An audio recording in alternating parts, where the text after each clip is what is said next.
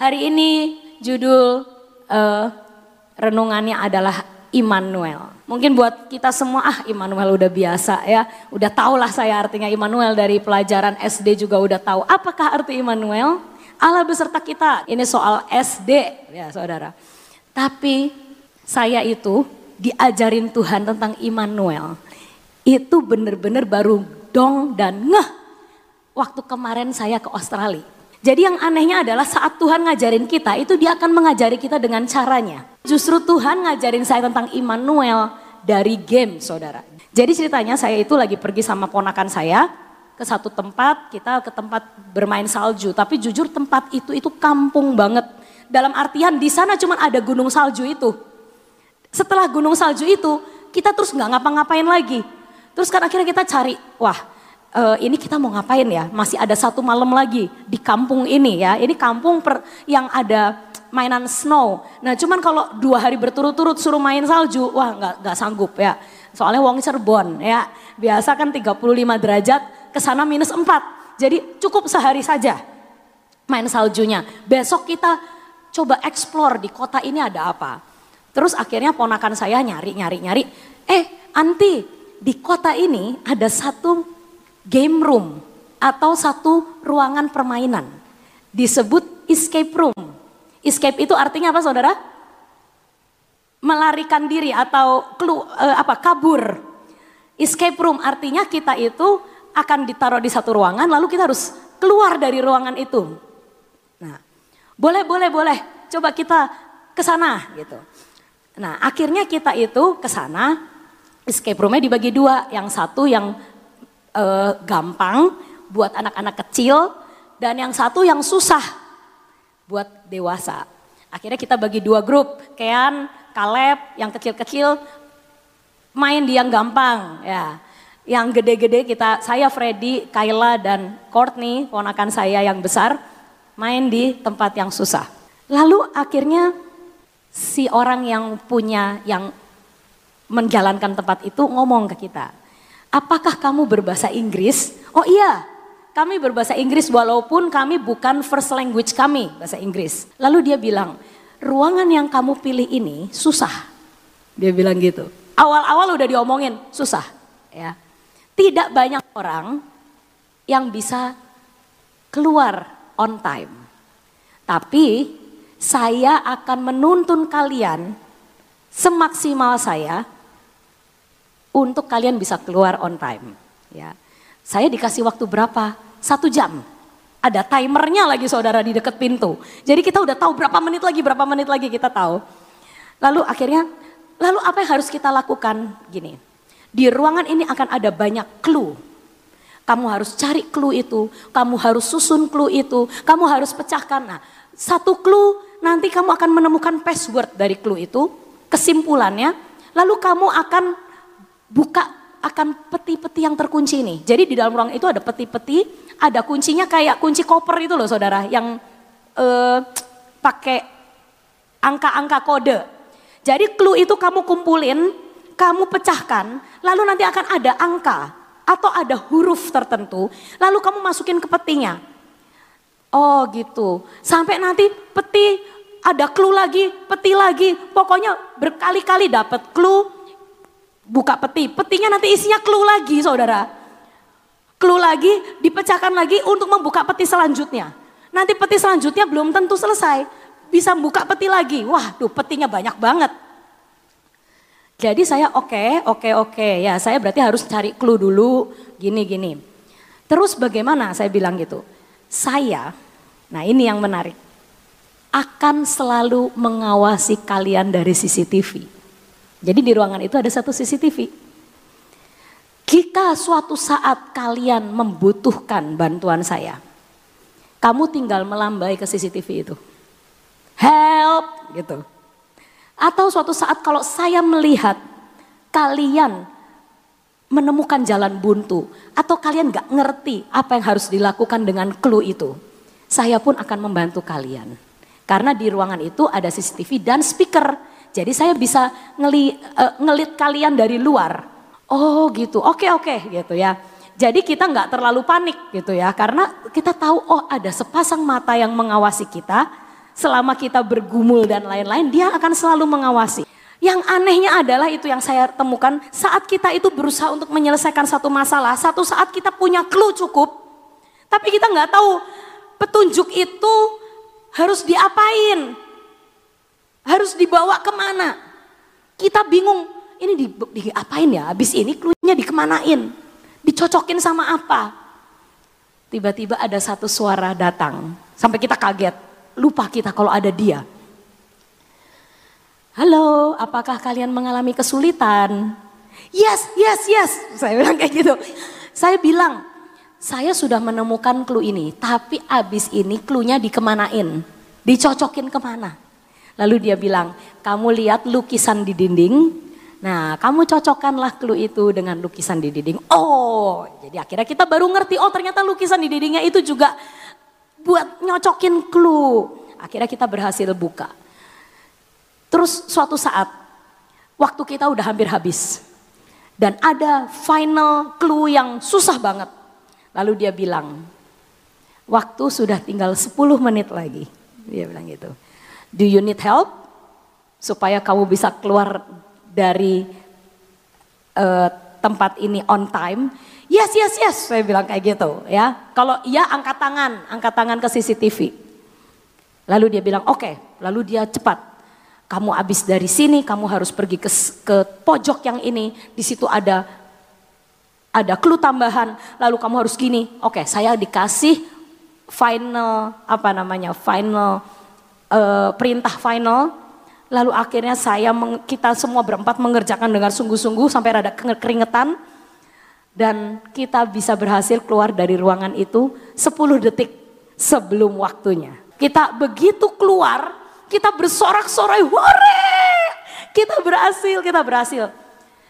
Dan begitu kita keluar, orang itu berkata, saya senang sekali kalian bisa menyelesaikan ini on time. Kalian tahu waktu saya ngeliat kalian di CCTV, hati saya ini loh senang sekali. Dia ngomong kayak gitu. Saat kalian bisa berhasil membuka kotak yang pertama, lalu kotak yang kedua, Lalu kotak yang ketiga, saya senang sekali melihat dan menonton kalian tuh saya menikmati. Dan waktu kalian tidak bisa, saya senang membantu kalian. Saya sangat menikmati game ini. Lalu abis itu saya pulang, perkataan orang itu terngiang-ngiang terus saudara di otak saya. Saat dia mengomong ke, ke kita, Waktu saya menonton kalian, saya itu menikmati. Saya itu bersuka cita juga bersama kalian. Waktu kalian ngalamin kesulitan tapi kalian bersama bekerja sama. Saya ngeliat uh, kalian bekerja sama dengan sangat baik dan saya ikut senang. Dan kalian menyelesaikan ini on time saya ikut senang. Dia itu tidak ikut main saudara. Ya kan? Dia itu cuma nonton dan memberi bimbingan tapi dia menikmati. Dan Tuhan ngomong ke saya, yang kamu tadi mainkan itu, itu seperti kehidupan. Kita tiap hari mendapat clue. Kadang ada kepentoknya, ya kan manusia itu kan gitu kan saudara. Kadang udah tahu apa yang harus dilakukan tapi kok kayaknya aduh kok jalannya buntu.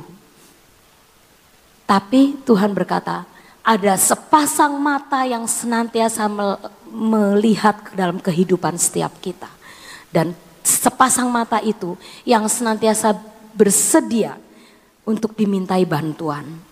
Saat kita tidak bisa menjalani kehidupan ini lagi, kita hopeless, kita nggak ngerti lagi, kita tinggal melambaikan tangan ke Tuhan. Tuhan help, Immanuel help, maka Tuhan akan berikan clue dan jalan keluar buat setiap kita ya. Immanuel itu adalah perjanjian baru saudara ya.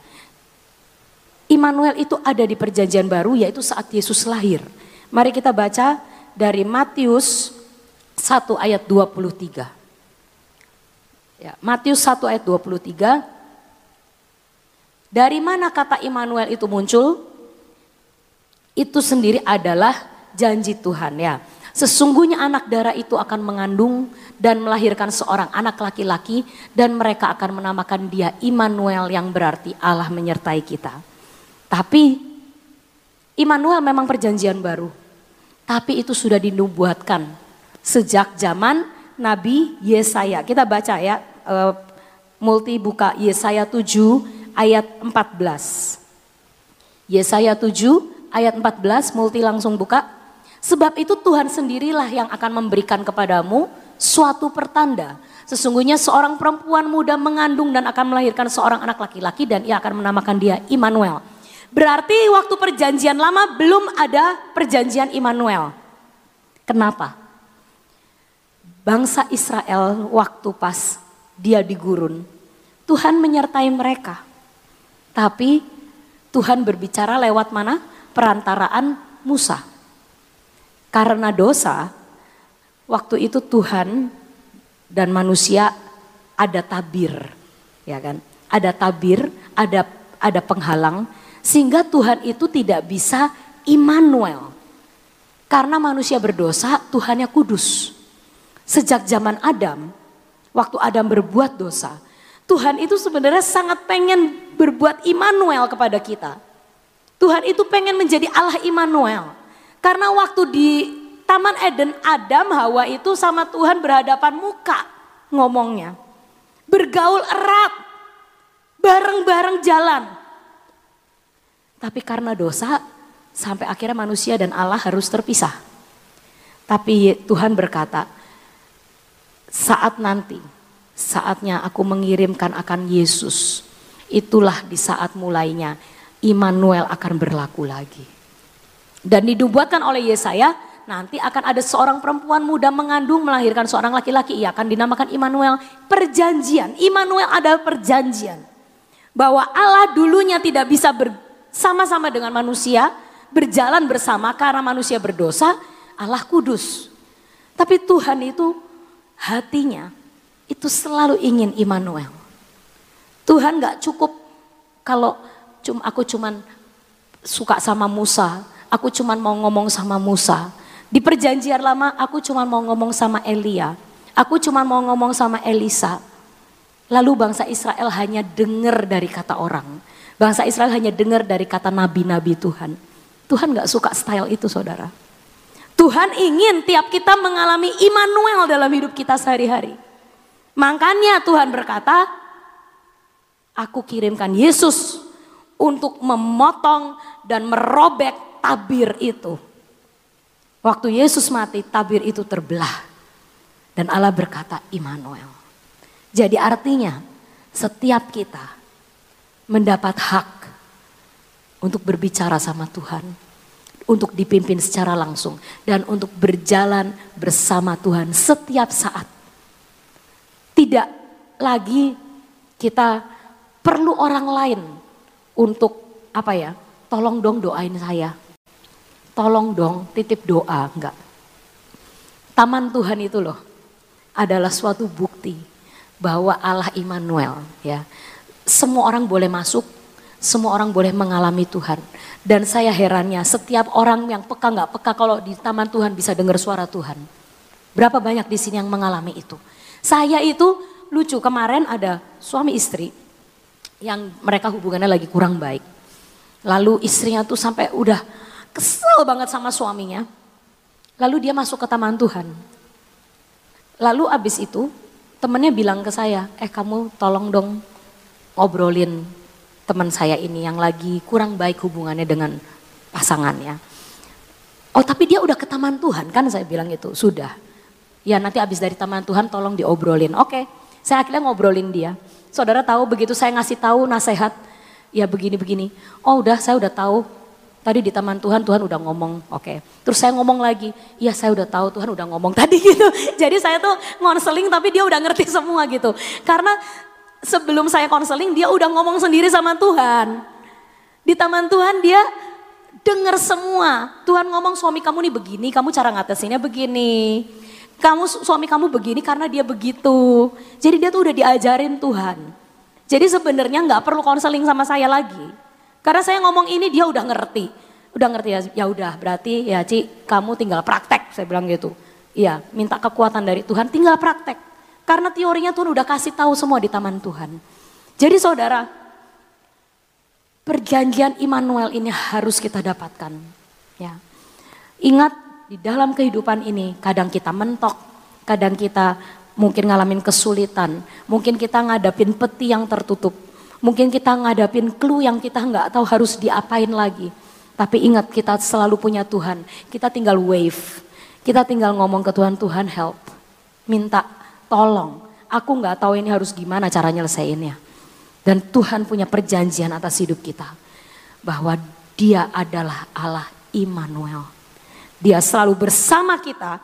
Gak dari jauh. Tapi dia ingin berjalan bersama kita step by step. Langkah demi langkah. Dan ingat saat kita ber, ber, melakukan apa pun dalam hidup ini, kita bekerja, kita menyelesaikan masalah kita, mengatasi masalah dan kita berhasil, Tuhan ikut bergembira bersama dengan kita. Dia senang saat kita menyelesaikan dan aduh anakku selesai berhasil. Senangnya kita sama senangnya Tuhan mungkin Tuhan lebih senang, Tuhan lebih bangga. Maka dari itu ingat ada sepasang mata yang tidak pernah luput mengawasi kita. Saat kita mentok, saat kita nemuin kesulitan, wave, Tuhan tolong. Tuhan pasti bantu, Tuhan pasti selesaikan dan membantu kita untuk menyelesaikannya.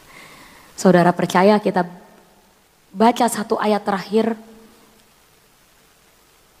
Ulangan 31 ayat ke-8. Kita baca sama-sama dan kita imani. Satu, dua, tiga. Sebab Tuhan dia sendiri akan berjalan di depanmu, dia sendiri akan menyertai engkau, dia tidak akan membiarkan engkau dan tidak akan meninggalkan engkau. Janganlah takut dan janganlah patah hati. Hari ini yang patah hati, yang takut, katakan kepada Tuhan, Tuhan engkau yang berjalan di depanku, engkau yang menyertai aku, engkau tidak akan membiarkan aku, engkau tidak akan meninggalkan aku. Persoalan apa pun dalam hidup kita, dia Allah Immanuel.